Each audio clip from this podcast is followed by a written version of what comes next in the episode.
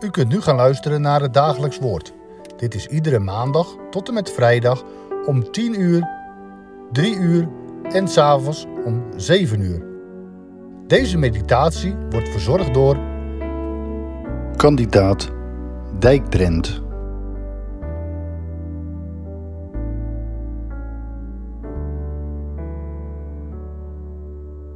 Geliefde broeders en zusters, wij lezen verder in het Heilige Evangelie naar de beschrijving van Matthäus, hoofdstuk 5, daarvan vers 38 en vers 39. En daar lezen wij de woorden van de Heer Jezus als volgt. U hebt gehoord dat er gezegd is: oog voor oog, tand voor tand. Ik zeg u echter dat u geen weerstand moet bieden aan de boze. Maar wie u op de rechterwang slaat, keer hem ook de andere toe.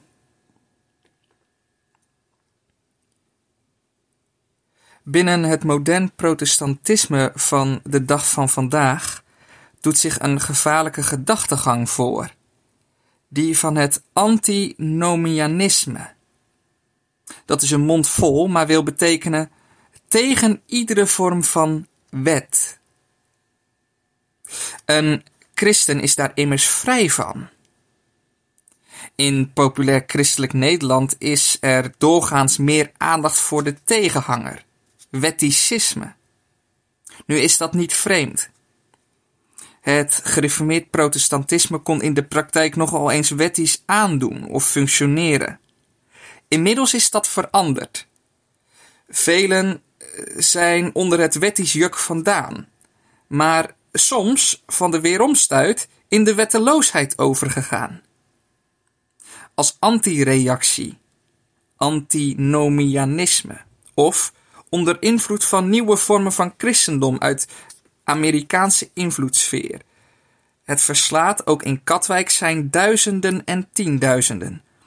Dat moet ons niet verbazen, want antinomianisme past perfect bij de liberale samenleving waarin wij ons bewegen. Wij zijn kinderen van onze tijd en producten van onze omgeving.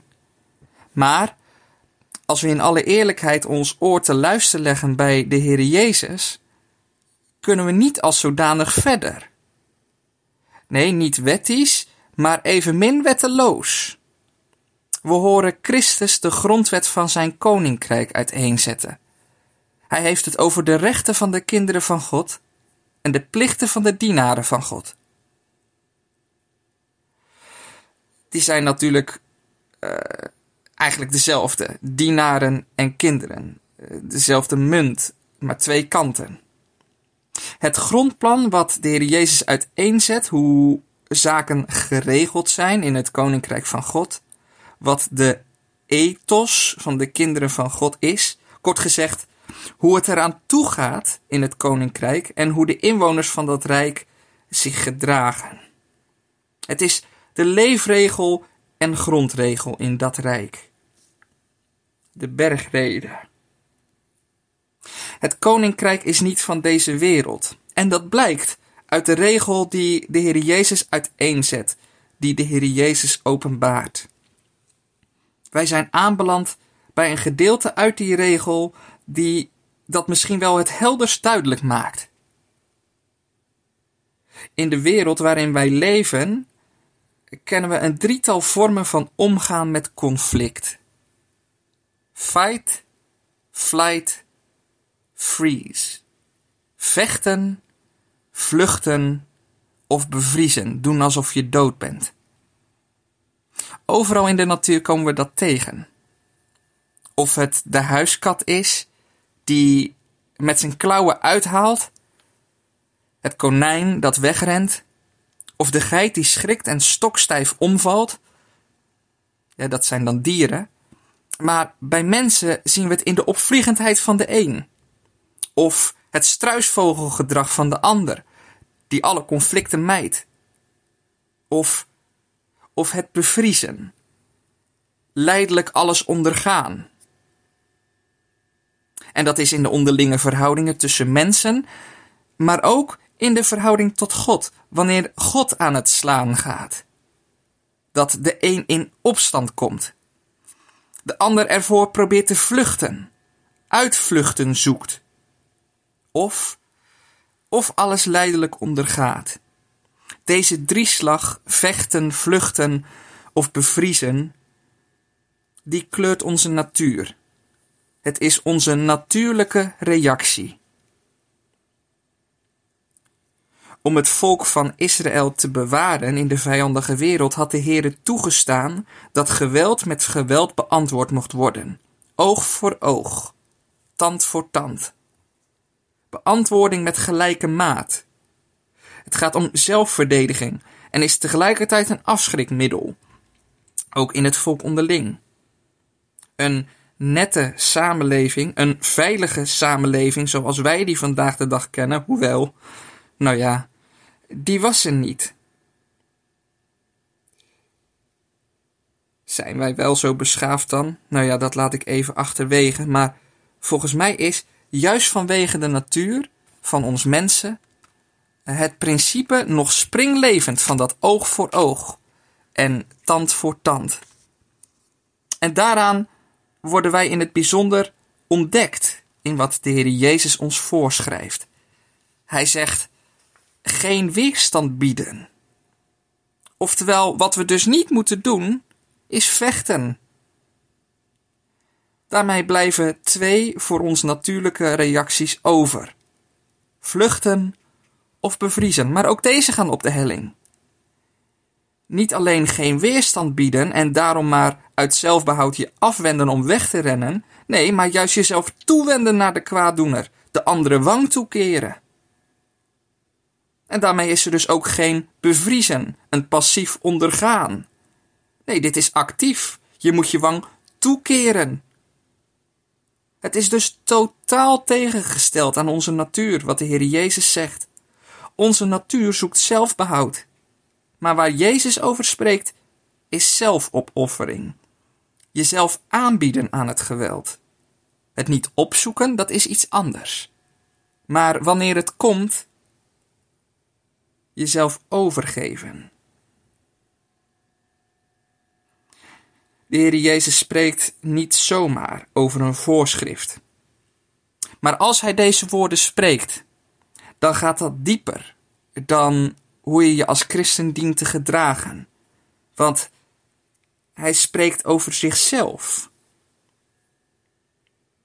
Hij was het die toen de geweldenaars op hem afkwamen, niet bevroor, de gewelddadige reactie van Petrus afkeurde en met lede ogen moest aanzien hoe iedereen om hem heen vluchtte. Maar hij zelf wendde zich toe tot de geweldenaars. Hij sloeg niet terug en hij vluchtte niet van het kruis weg.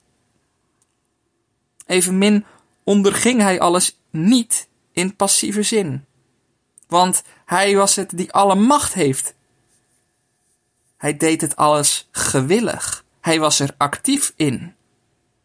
Hij leed niet als een passief slachtoffer, maar als de actieve verlosser die zichzelf als offer aan heeft geboden.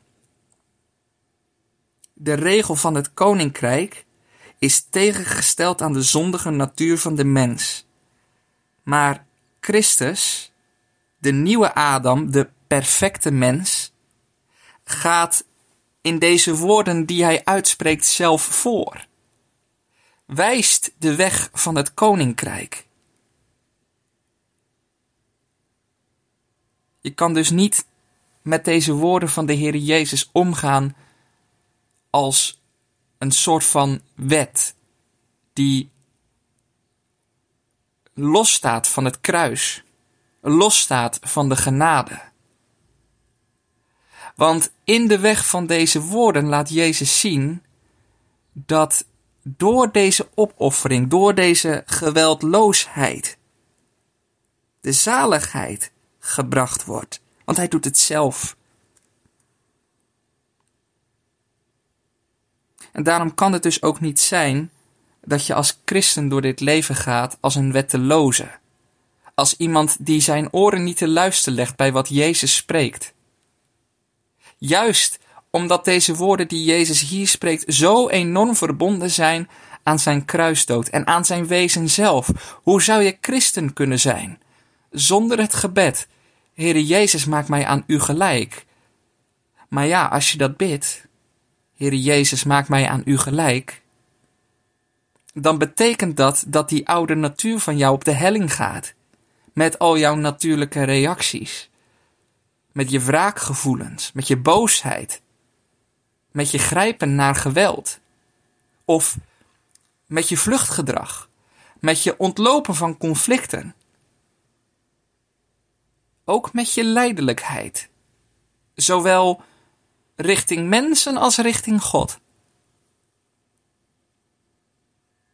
Wat vraagt deze wet dus, die Jezus hier voorschrijft, deze wetmatigheid van het koninkrijk, ten diepste van mensen?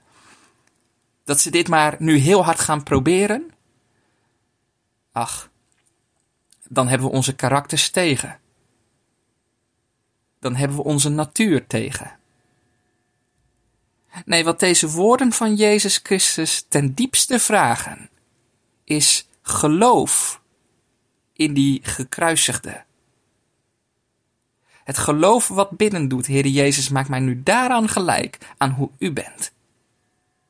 En het geloof dat de kracht geeft, door de werking van de Heilige Geest, om die weg te gaan. Want de Heilige Geest is het immers die ons naar het evenbeeld van Christus vormen zal. Dan blijft het misschien nog ver afstaan van ons, deze woorden, en kunnen we daar in het leven enorm mee worstelen. En misschien is dat ook maar goed. Als het ons gemakkelijk afging, eh, dan zouden we onszelf te veel gaan voorstellen. Juist in de confrontatie met onze zondige natuur worden we steeds weer en steeds meer uitgedreven naar die gekruisigde Jezus die deze woorden sprak. En wat een vooruitzicht is het dan? Dat we toeleven naar dat koninkrijk, wat eens geheel en al volledig geopenbaard zal worden en werkelijkheid zal zijn, waarin het inderdaad zo zal zijn dat niemand meer zal wegvluchten, niemand meer hoeft te bevriezen en niemand ook meer geweld gebruiken zal. Maar iedereen de vrede van Jezus Christus zal genieten, die in beginsel al gebracht is aan het kruis. Laten wij samen bidden. Onze Vader, die in de hemelen zijt, uw naam worden geheiligd, uw koninkrijk komen. Uw wil geschieden gelijk in de hemel als ook op de aarde.